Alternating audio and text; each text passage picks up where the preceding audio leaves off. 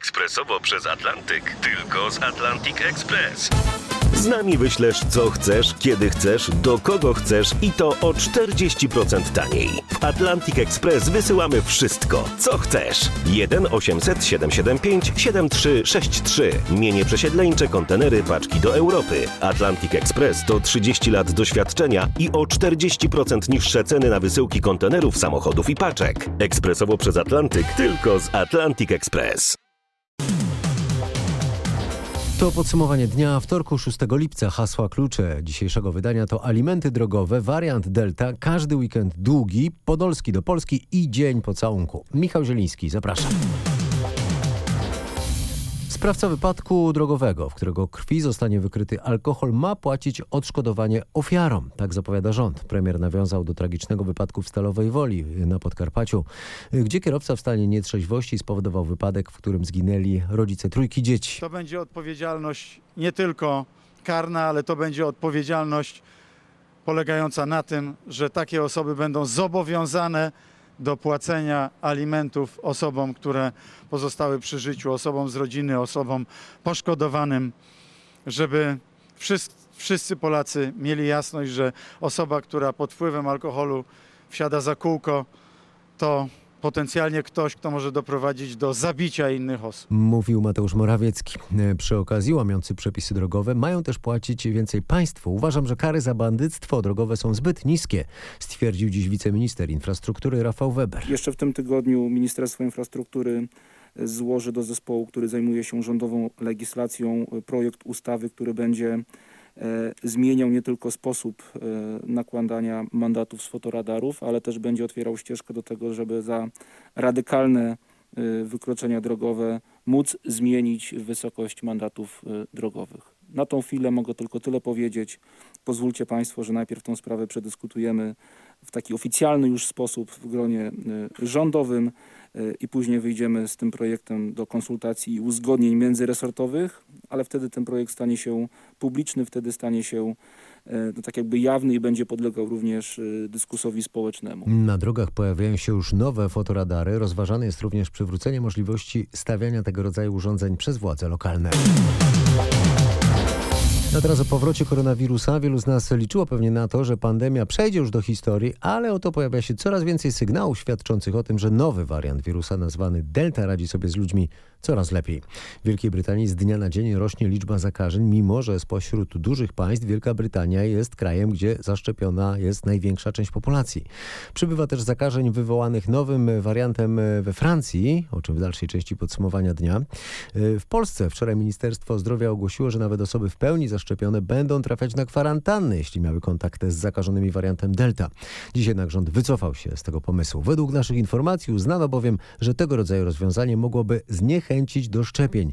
No bo po co się szczepić, skoro i tak nie chroni to przed kwarantanną i wnioskując dalej, nie chroni przed samym wirusem. Tymczasem na razie wśród 14 milionów zaszczepionych e, pojawiło się tylko kilka zakażeń nowym wariantem. W każdym razie premier Mateusz Morawiecki ostrzegał dziś, że Polacy znów, tak jak w tamtym roku, wydają się być uśpieni poprawą sytuacji epidemicznej. Zdecydowaliśmy się z panem ministrem zdrowia na utrzymanie części szpitali tymczasowych, na zmianę infrastruktury szpitalnej w ramach szpitali powiatowych, wojewódzkich i e, wszystkich, które mają inne również organy założycielskie. W taki sposób, aby być przygotowanym na tą czwartą falę. To, szanowni państwo, jest to, co należy zrobić po naszej stronie, ażeby chronić się przed e, możliwymi sytuacjami typu wąskie gardła w służbie zdrowia. A co my jako obywatele możemy zrobić w tym zakresie? Parafrazując znane nam z innego sektora powiedzenie, przezorny zawsze zaszczepiony. Szczepionek wreszcie dzisiaj, na początku lipca, mogę to powiedzieć z pełną odpowiedzialnością, mamy wystarczająco dużo, żeby każdy w każdej chwili mógł zostać zaszczepiony. Dane ze Stanów Zjednoczonych. Główny epidemiolog dr Fauci mówiący o tym, że 99,2% osób, które umierają dzisiaj w Stanach Zjednoczonych, to osoby, które są niezaszczepione, umierają na COVID. Czy trzeba jeszcze lepszej statystyki?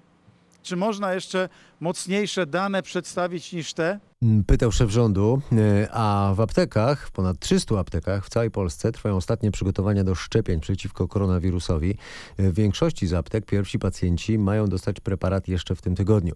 Nasz reporter Michał Dobrowicz rozmawiał z Moniką Imielską, właścicielką apteki przy ulicy Pańskiej w Warszawie o tym, jak będzie wyglądać takie apteczne szczepienie. Wchodzi się tutaj do apteki i co się dalej dzieje? Przede wszystkim pacjent musi być zarejestrowany, także podchodzimy do okienka, rejestrujemy się, wypełniamy ankietę. To jest to okienko, gdzie kupuje się leki. Nie, to jest wydzielone okienko, które jest osobnym okienkiem. Jest przeznaczone tylko i wyłącznie dla pacjentów, którzy przychodzą do apteki zaszczepić się. Również mamy przeznaczoną poczekalnię, gdzie pacjent może 15 minut odczekać po szczepieniu. To jest w oddzielnej części niż ta, gdzie kupuje się leki. Tak, my mamy na tyle miejsca w aptece, że spokojnie pacjent może w oddzielnym miejscu poczekać. Ta kwalifikacja do szczepienia, gdzie się konkretnie odbędzie? To będzie w gabinecie, który mamy w tej chwili przeznaczone do punktu szczepień. Będzie kwalifikacja i zaraz szczepienie. Najwięcej aptek, w których będzie można się zaszczepić, 57, jest w Małopolsce.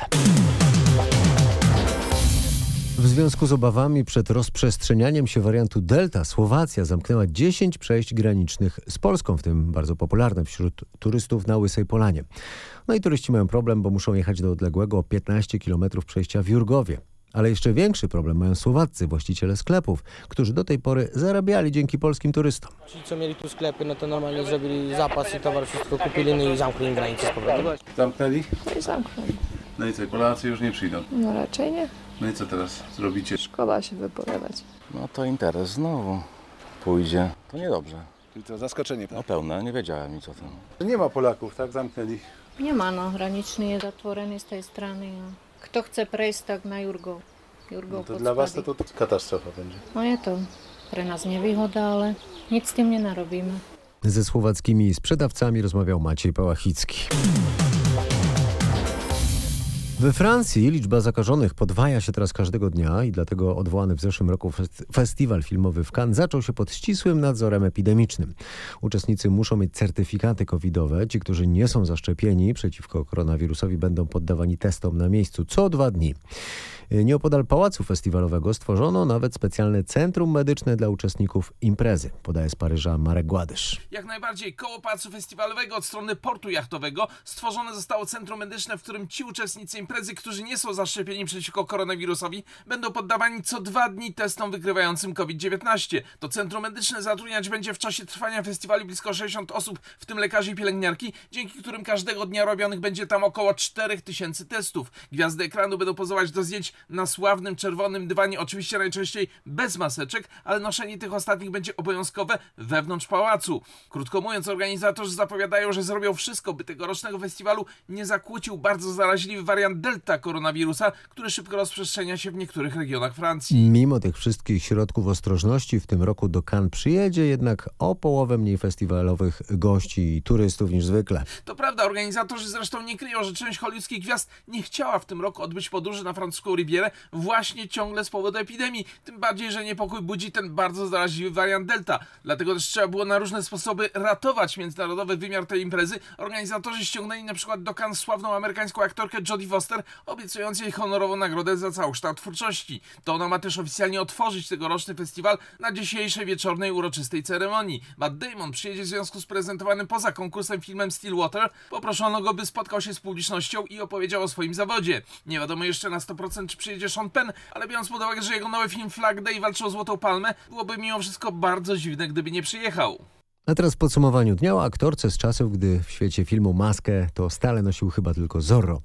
Będzie o awanturze o Marilyn Monroe. Dosłownie wielka postać Marilyn Monroe pojawiła się w Kalifornii. Rada Miasta Palm Springs niedawno jednogłośnie postanowiła kupić nadnaturalnych rozmiarów pomnik aktorki. To jest Marilyn ze sławnej sceny w filmie Słomiany Wdowiec z 1954 roku sukienką w kolorze kości słoniowej podwianej przez powietrze z kratki nad szybem wentylacyjnym metra. Władze miasta słusznie, jak się okazuje, przewidywały, że pomnik stanie się nie lada atrakcją turystyczną. Chodziło o to, by ożywić biznes turystyczny. U stóp Merlin gromadzą się już tłumy turystów i wielu mieszkańców jest zachwyconych nową atrakcją. Mówię w imieniu ogromnej większości mieszkańców Palm Springs. Jesteśmy tu zachwyceni, bo to jest bardzo dla nas dobre. Dobre dla firm w mieście. To będzie nasza taka wieża Eiffla. Wieża Eiffla Palm Springs. No ale obecność tej dosłownie wielkiej aktorki nie wszystkim odpowiada. To jakiś absurd. Wychodzisz z muzeum i widzisz tylną stronę czyichś majtek. Nieważne, czyj to pomnik, jak wygląda. Ludzie mają problem z tyloma różnymi rzeczami, które uważają za nieprzyzwoite, ale jakoś to im akurat nie przeszkadza. Mówi inny mieszkaniec miasta i nie ma racji, bo pomnik niektórym bardzo przeszkadza. Od niedzieli, gdy odsłonięto postument, odbyło się przed nim szereg protestów organizowanych choćby przez fundację Marsz Kobiet. Uczestnicy twierdzą, że pomnik jest mizoginiczny, wrogi kobietom jest wręcz symbolem e, ich wykorzystywania. Powstał już również komitet o nazwie Przenieś Merlin, skierował sprawę do sądu i zebrał na tę przeprowadzkę niemal 100 tysięcy dolarów. A wrzawa w mediach tylko pomaga wzmóc popularność nowej atrakcji. Na razie cel został spełniony i turystyczny biznes w Palm Springs odżywa. Była mowa o sukience w kolorze kości słoniowej. Słoń jeszcze w podsumowaniu dnia się pojawi, a teraz o eksperymencie z czterodniowym tygodniem pracy na Islandii. Ten eksperyment przyniósł ogromny sukces, tak oceniają organizatorzy w specjalnym raporcie. Na Islandii przez 4 lata pracowało przez 4 dni w tygodniu 2,5 tysiąca pracowników. To dużo na Islandii, co setny pracownik w ogóle w całym kraju. Wydajność e, w większości miejsc pracy pozostała taka sama, albo nawet się poprawiła. Pracujący zgłaszali, że są mniej zestresowani. Wielu podało, że poprawiło się ich zdrowie i że lepiej radzą sobie z zachowaniem równowagi między życiem prywatnym i zawodowym. Czy wolelibyście pracować tylko 4 dni w tygodniu? Do czego mógłby służyć taki dłuższy weekend? O to pytał przechodniów nasz reporter Marek Wiosło.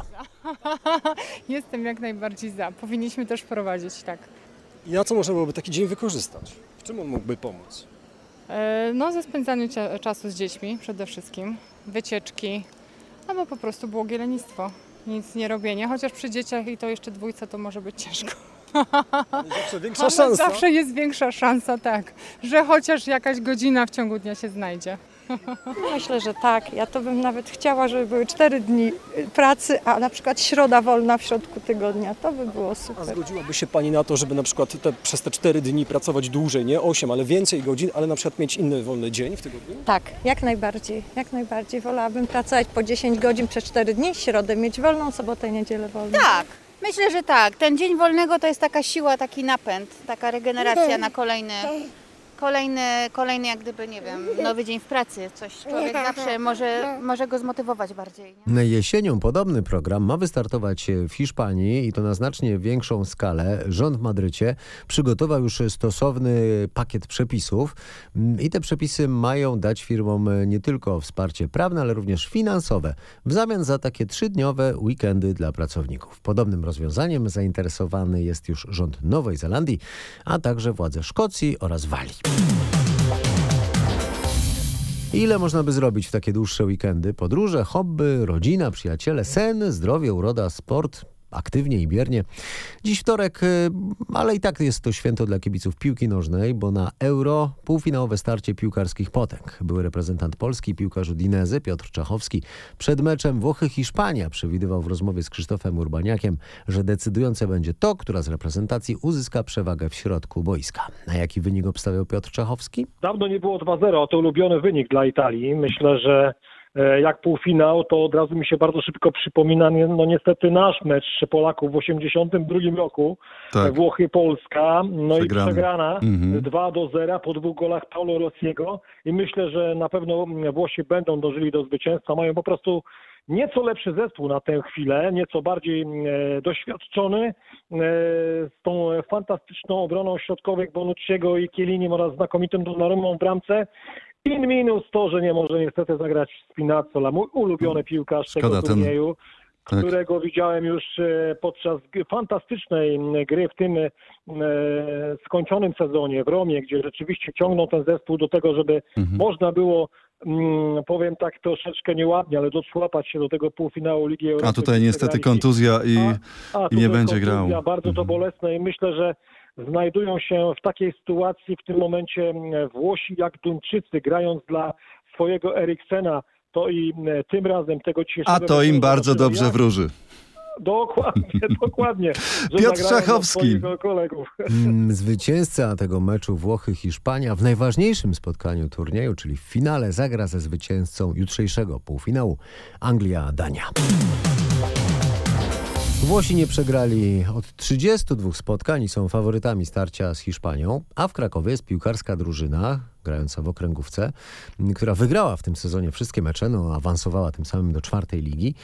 Prawie połowę z tych spotkań e, wygrała kilkanaście do zera. E, W składzie tej drużyny są dawni piłkarze z ekstraklasy, a od nowego sezonu wieczystą, bo tak się nazywa klub, m, ma kierować, ma trenować wieczystą Franciszek Smuda, były selekcjoner e, piłkarskiej reprezentacji Polski. Niedawno pojawiła się plotka, że do krakowskiego składu ma dołączyć również były piłkarz reprezentacji Niemiec Lukas Podolski, sława niemieckiej reprezentacji. A teraz okazuje się, że ten 36-letni mistrz świata z 2014 roku owszem, trafi z Turcji do Polski, ale nie do krakowskiej wieczystej, lecz do Górnika Zabrze. Podolski grał kiedyś w Bayernie Monachium, w Arsenalu i w Interze Mediolan. Zresztą nie trzeba go kibicom przedstawiać. Tak o nim kiedyś mówił sam Adam Małysz. Jak rozmawialiśmy, to powiedział, że ma przerąbane w Niemczech, że nie może wyjść nawet się piwa napić. Ja mówię, no to przyjedź do Polski, będziemy tak w dwójkę sobie tak chodzić. No i przyjeżdża. Podolski urodził się w Gliwicach i kiedyś ujawnił, że swojej babci obiecał, że wróci na Śląsk. Chciałbym, by chociaż raz zobaczyła mnie w barwach górnika, mówił przed rokiem, kiedy z powrotu do Polski nic nie wyszło. Jak moje czasy, jak byłem młody, to już takiego czegoś nie było. Ja dużo grałem na ulicach z kolegami, z chłopakami i dopiero później poszedłem do klubu. No a teraz są e, inne czasy i, i taka akademia, akademia jak będą w Polsce, w Górniku, to, to jest fajna rzecz i no, te dzieciaki będą się cieszyć z tego. Tam będą, myślę, boiska będą fajne, trenery będą i jest fajna rzecz. To Łukasz Podolski, który zagrał w reprezentacji Niemiec 130 razy, strzelając 49 bramek. Przeciwnicy wracającego do polskiej polityki Donalda Tuska zarzucają mu, że grał albo nawet wręcz gra dla Niemiec zamiast dla Polski. A był szef Platformy Obywatelskiej zabrał się do pracy, jest go dużo w mediach, próbuje zmobilizować Platformę i uśmierzyć spory pomiędzy partiami opozycji. Taktyka polegająca na dokładaniu politycznemu sojusznikowi jest niemądra, mówił dziś nowy szef Platformy Obywatelskiej i apelował o pakt o nieagresji na opozycji. Zapewniał również, że szanuje różne poglądy i strategie działania partii, ale jak przekonywał, obecna sytuacja polityczna wymaga wspólnej walki z jednym wrogiem. Nie atakujemy siebie nawzajem w obozie opozycji. To jest taki punkt wyjścia. Ja bardzo chętnie o tym będę rozmawiał właśnie też mm, z liderami innych partii opozycyjnych. Jeśli utrzymamy się wszyscy w tym pozytywnym reżimie nieagresywnego reagowania na samych siebie, to to już będzie fajny, taki poważny krok do przodu. No, w ostatnich miesiącach dochodziło rzeczywiście do napięć pomiędzy partiami opozycyjnymi. Platforma Obywatelska i Lewica spierały się o stanowisko w sprawie ratyfikacji Funduszu Odbudowy. Donald Tusk rozmawiał dzisiaj z liderami Koalicji Obywatelskiej, a jutro ma się spotkać z całym klubem parlamentarnym. Co się zmieni w polskiej e, polityce po powrocie Donalda Tuska? Sam powrót nie jest jeszcze zagrożeniem dla obecnie rządzących. Dla nas kluczowe jest przekonanie obywateli do Polskiego Ładu, przekonywał dziś w rozmowie w samo południe gość Tomasza Skorego Bartłomiej Wróblewski. W ostatnich dniach rzeczywiście jest więcej mowa o Tusku, natomiast ta sytuacja niejasności na opozycji trwa w gruncie rzeczy już od y, dobrych kilku lat, od momentu, kiedy Donald Tusk wyjechał z Polski. Później Platforma Obywatelska delikatnie, ale odcinała się od dziedzictwa Donalda Tuska. To ten czas y, letniej wody w kranie był uznawany za jedną z przyczyn, dla których Zjednoczona Prawica wygrała i później wygrała w 2019 roku. Bartłomiej Wróblewski dodawał też, że dla Prawa i Sprawiedliwości istotniejsze od działań opozycji jest dzisiaj przekonanie społeczeństwa do programu, dzięki któremu nasz kraj w ciągu 10 lat ma dogonić kraje Zachodu. Cała rozmowa z Bartłomiejem Wróblewskim jest na naszej stronie w internecie rmf24.pl. Tyle o sprawie polskiej, a teraz bohaterem podsumowania dnia będzie słoń. Największy słoń Europy zamieszkał w Polsce w łódzkim Orientarium. Aleksander, bo tak ma na imię, przyjechał naprawdę z Niemiec. Waży ponad 6 ton. Jak Aleksander trafił do Polski i jakie ma tutaj zadanie do wykonania, o tym opowiedzą wiceprezes łódzkiego zoo Tomasz Jóźwik oraz szef placówki, czyli Orientarium Arkadiusz Jaksa. To nie była wcale taka łatwa logistycznie akcja. Aleksander dotarł specjalnym słoniobusem, można powiedzieć, to taki przystosowany zestaw do transportu słoni, gdzie właśnie taki ładunek jest obniżany poniżej osi kół, żeby w czasie podróży nie spowodował wywrócenia się całego zestawu. Tutaj musieliśmy czekać na Aleksandra właśnie z dźwigiem, który przeniósł ten kontener z samochodu na wybieg po czym wszedł tam nawoływany przez towarzyszące mu opiekunki, które przez lata właśnie w Minster sprawowały nad nim opiekę, wprowadzały go tutaj właśnie w pierwsze dni i zapoznawały z naszymi opiekunami. Teraz już wprowadzeni zostali przez opiekunki Aleksandra w tą powiedzmy nową grupę i sprawują od kilku dni opiekę, a słoń zapoznaje się z nowymi terenami. On właśnie będzie takim stabilizatorem dla wszystkich osobników, które w najbliższym czasie trafią, bo jest bardzo duży, jeden z największych, największy właściwie y, obecnie w europejskich ogrodach zoologicznych słoń, świadomy swojej siły i wielkości, a przez to spokojny i stanowczy i dlatego będzie takim policjantem, można powiedzieć, dla tych młodszych, niesfornych osobników, które będą musiały nabyć dobrych właśnie takich nawyków, żeby móc w przyszłości też funkcjonować w innych grupach słoniowych. Na początek to będą trzy osobniki. Docelowo jesteśmy w stanie hodować od 8 do 10, nawet teoretycznie 12 słoni. To wszystko już zależy później, jak y, dobrze się zgrywają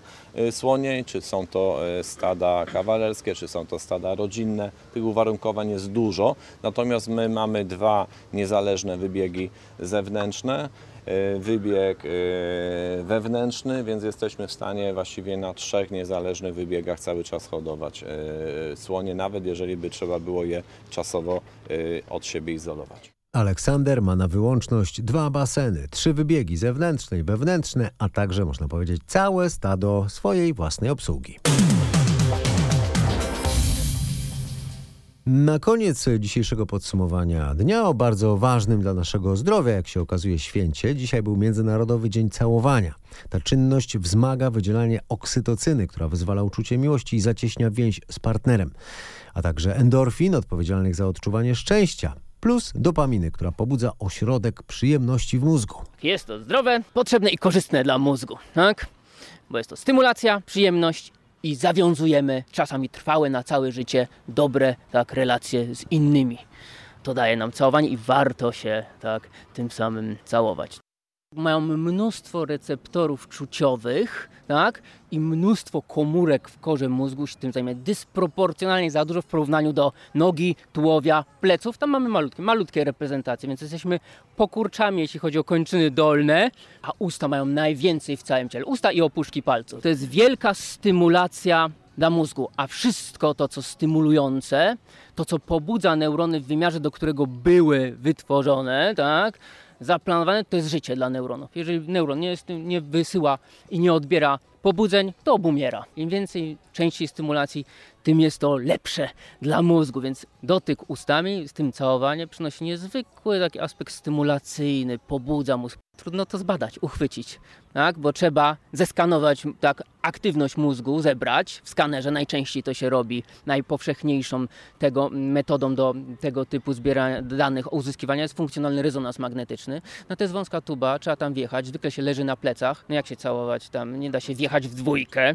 Nawet jak się wiedzie w dół, jak się położy jedna osoba na drugiej, no to można przeskanować tylko jedną. Od niedawna są skanery dwuosobowe. To po prostu trzeba taką cewkę gradiatową na dwie osoby. To techniczna rzecz, nieważne, tak? Ale zrobiono to, że dwie osoby mogą wjechać i być równocześnie symultanicznie zeskanowane.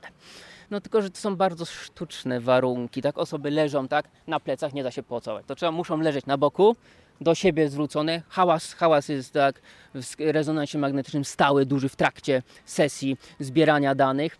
No i to są bardzo sztuczne warunki, dalekie od tego, co mózg naprawdę by robił warunkach tak rzeczywistych. Opowiadał dr Szczepan Grzybowski z Zakładu Neurobiologii i Neuropsychologii Uniwersytetu Jagiellońskiego.